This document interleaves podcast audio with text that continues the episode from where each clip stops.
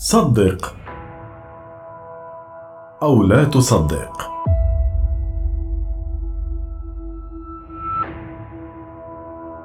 فرين سيلك هو أستاذ موسيقى كرواتي من مواليد 14 يونيو 1929 تعرض للموت في يناير عام 1962 عندما كان يركب قطارا عبر واد بارد وممطر. فانفلتت عجلات القطار عن القضبان وتحطم في أحد الأنهار. مات سبعة عشر شخصا في الحادث. باستثناء فرين الذي سحب إلى بر الأمان. عانى سيلك فقط من كسر في الذراع.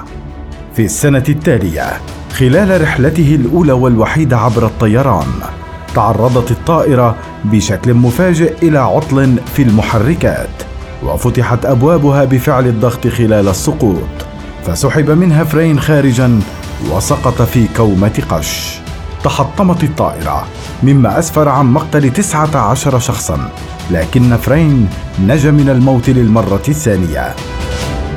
بعد ثلاث سنوات من ذلك في عام 1966 انزلقت حافلة كان يستقلها من الطريق إلى النهر مما أغرق أربعة ركاب حتى وفاتهم باستثناء سيلك الذي سبح إلى الشاطئ مع بعض جروح وكدمات بسيطة.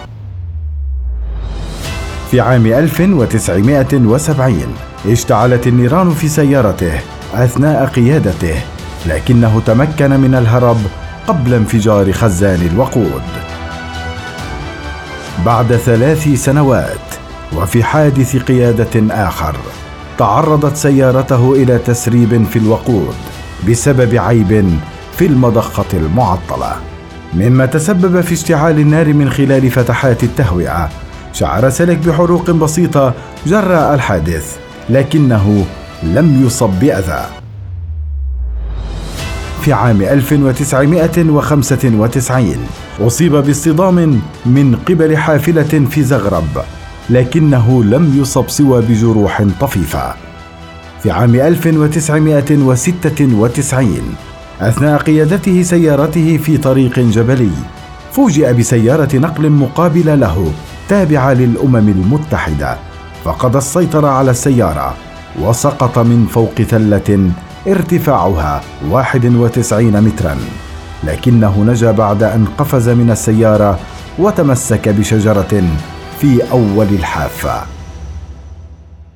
في عام 2003 وبعد يومين من عيد ميلاده الثالث والسبعين فاز سيليك بمبلغ 800 ألف يورو في اليانصيب. فتزوج للمرة الخامسة. واشترى منزلين وقارب.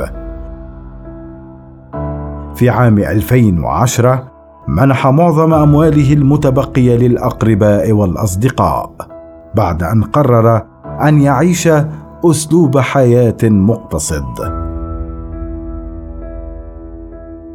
كل هذا دفع الصحفيين إلى وصف فرين سيلك بأنه أكثر الرجال حظا في العالم.